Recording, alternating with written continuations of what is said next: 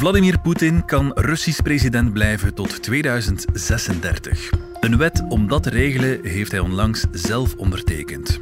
Poetin domineert de Russische politiek nu al ruim 20 jaar en hij kan er in theorie dus nog eens 15 bij doen. Dat is beter, veel beter dan pakweg Jozef Stalin in de vorige eeuw. Kan Rusland niet zonder Poetin? En waar staat het land na jaren onder Poetins leiderschap? Het is maandag 12 april. Ik ben Niels de Keukelare en dit is de podcast van de Standaard.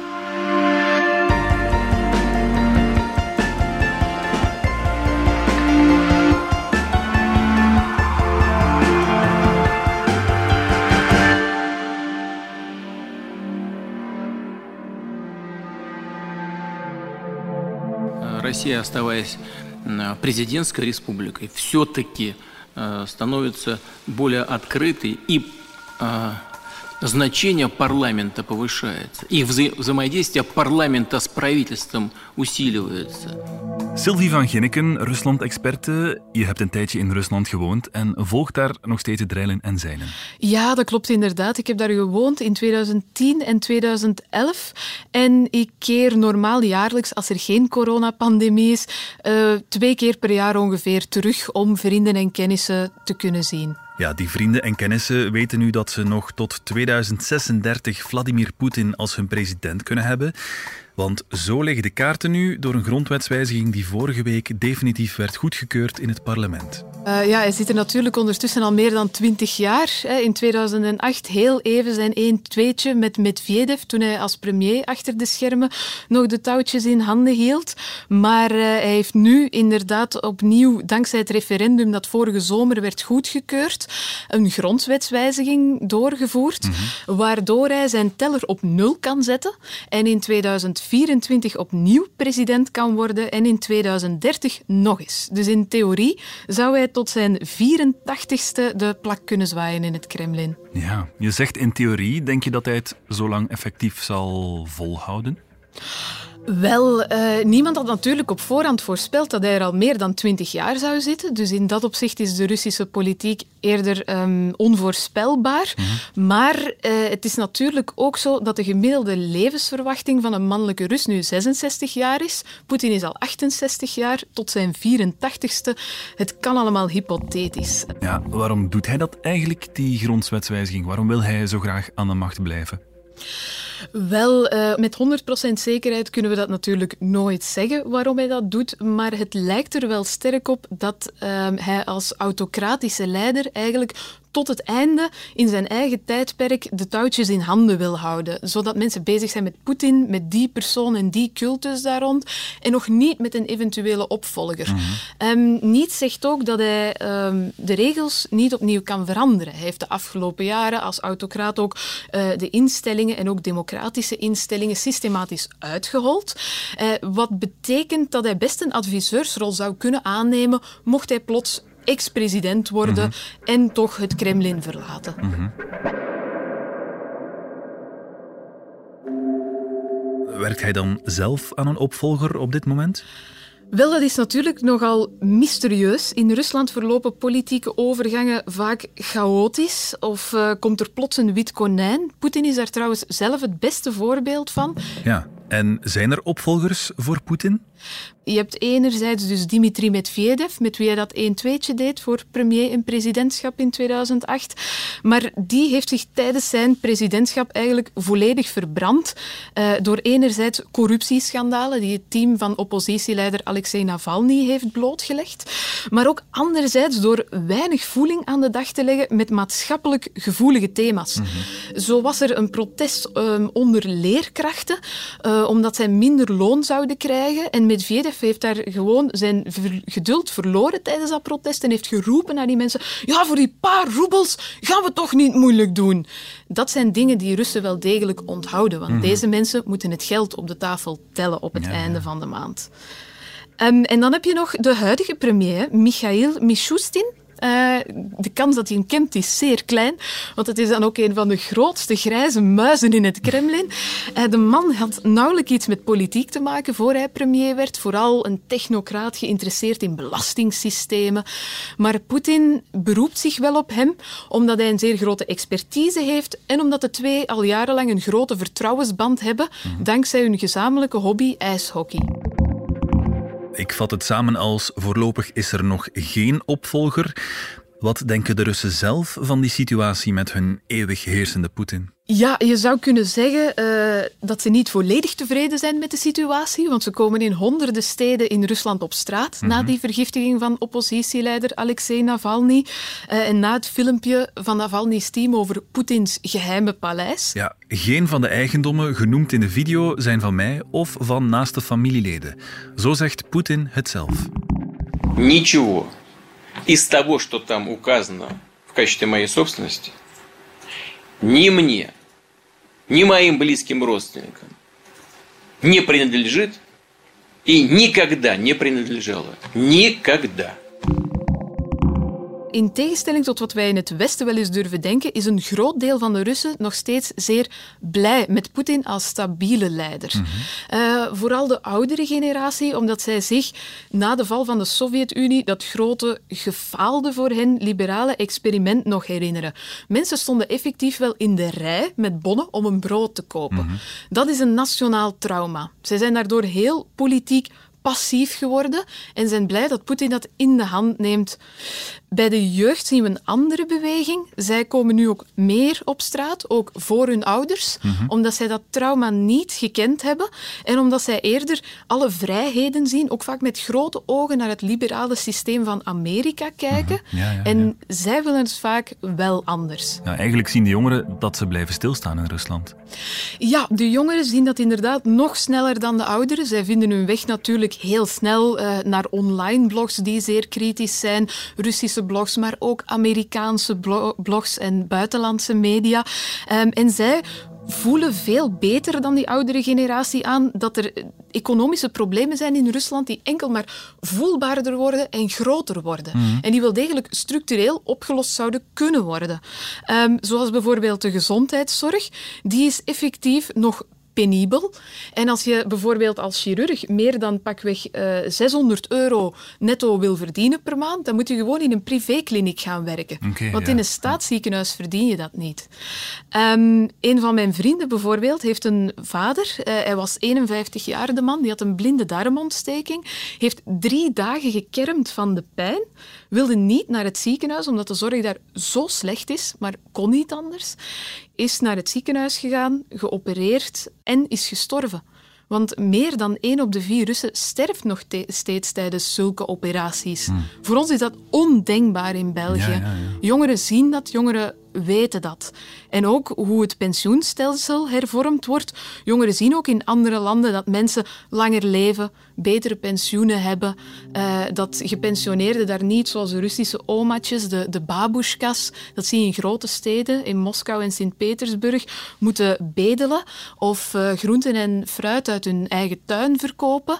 Want als je gewoon hard naar de cijfers kijkt, uh, zie je dat het gemiddelde inkomen van het Russische gezin eigenlijk gewoon stelselmatig achteruit gaat sinds 2013 al. Ja, maar toch blijft Poetin populair. Ja, klopt. Er is een hele grote uh, persoonscultus rond de figuur Vladimir Poetin.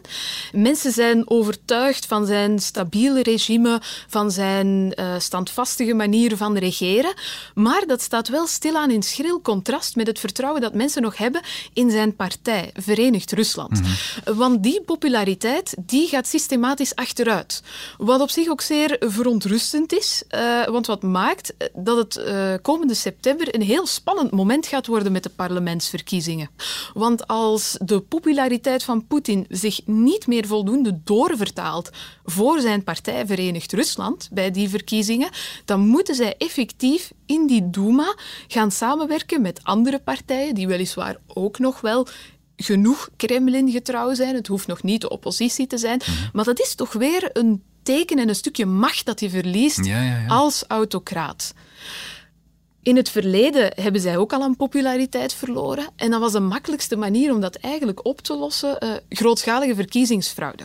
Ja. Uh, we kennen allemaal nog de, de boutade dat uh, in bepaalde Siberische steden 110% van de stemmen naar Verenigd Rusland ging, Poetins partij. Maar uh, daar zullen zij nu toch ook stilaan wel, denk ik, van terugkomen. Want als je ziet wat er vorig jaar is gebeurd in Wit-Rusland, dat willen zij natuurlijk niet aan de hand hebben. dat een heel volk in opstand komt omdat de verkiezingen vervalst zijn. Hmm. Dus een opvallende manier van verkiezingsfraude zal er niet meer in zitten, denk ik, in september. We zijn terug na de reclame. Wie state-of-the-art kerntechnologie hoort, oh. denkt misschien dat dit een ver van zijn bedshow is. Maar zo ver van je bed is het niet. En al helemaal niet van je ziekenhuisbed. Want nucleaire technologie wordt dagelijks gebruikt in onze ziekenhuizen. Ga mee op reis naar de kern van kerntechnologie in de boeiende podcastreeks Naar de Kern. En ontdek alles over de toepassingen van kerntechnologie in de gezondheidszorg. Beluister naar de kern via nucleairforum.be slash podcast of via Spotify. Ja, Sylvie, zo'n autocratische leider die al decennia aan de macht is. Het gaat er economisch duidelijk ook niet goed. Miskijken wij ons dan op de macht van Poetin?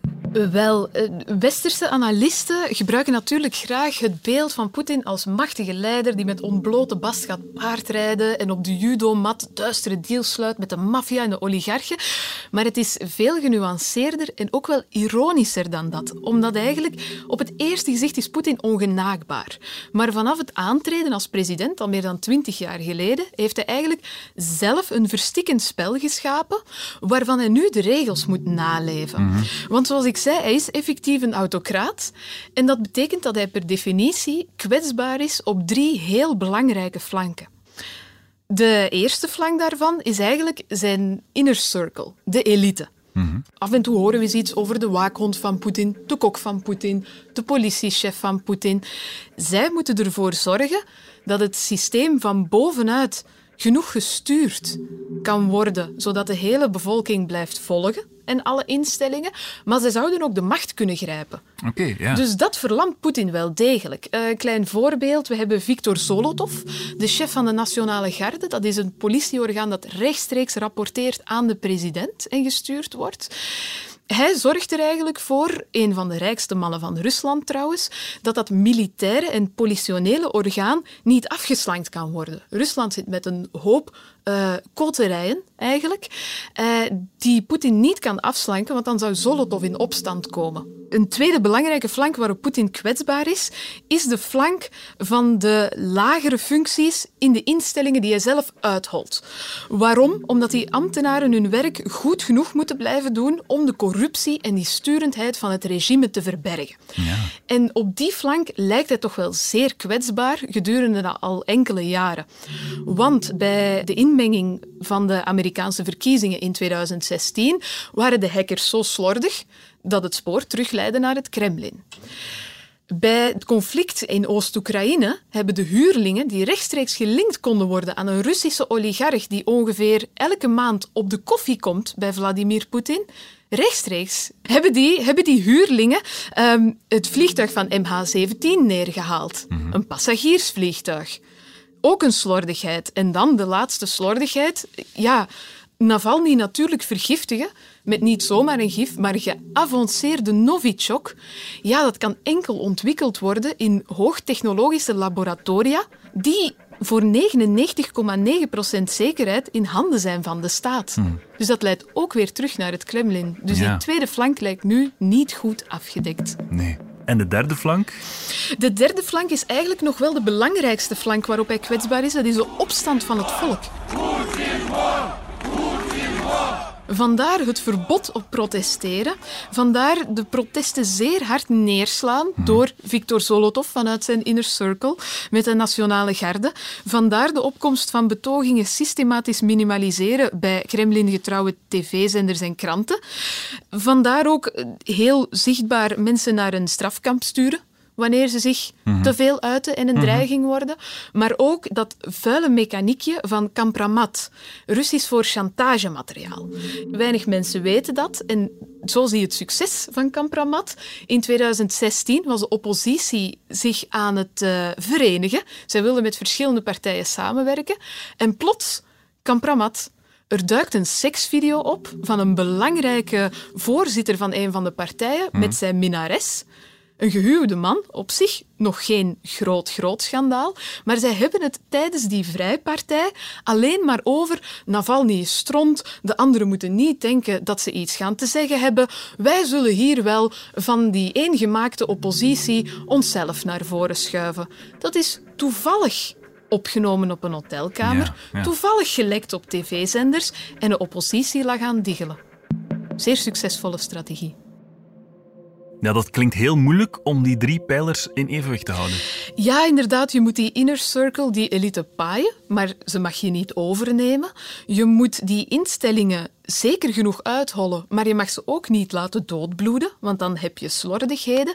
En je moet het volk tevreden houden, inderdaad. En vooral die laatste, dat is heel moeilijk.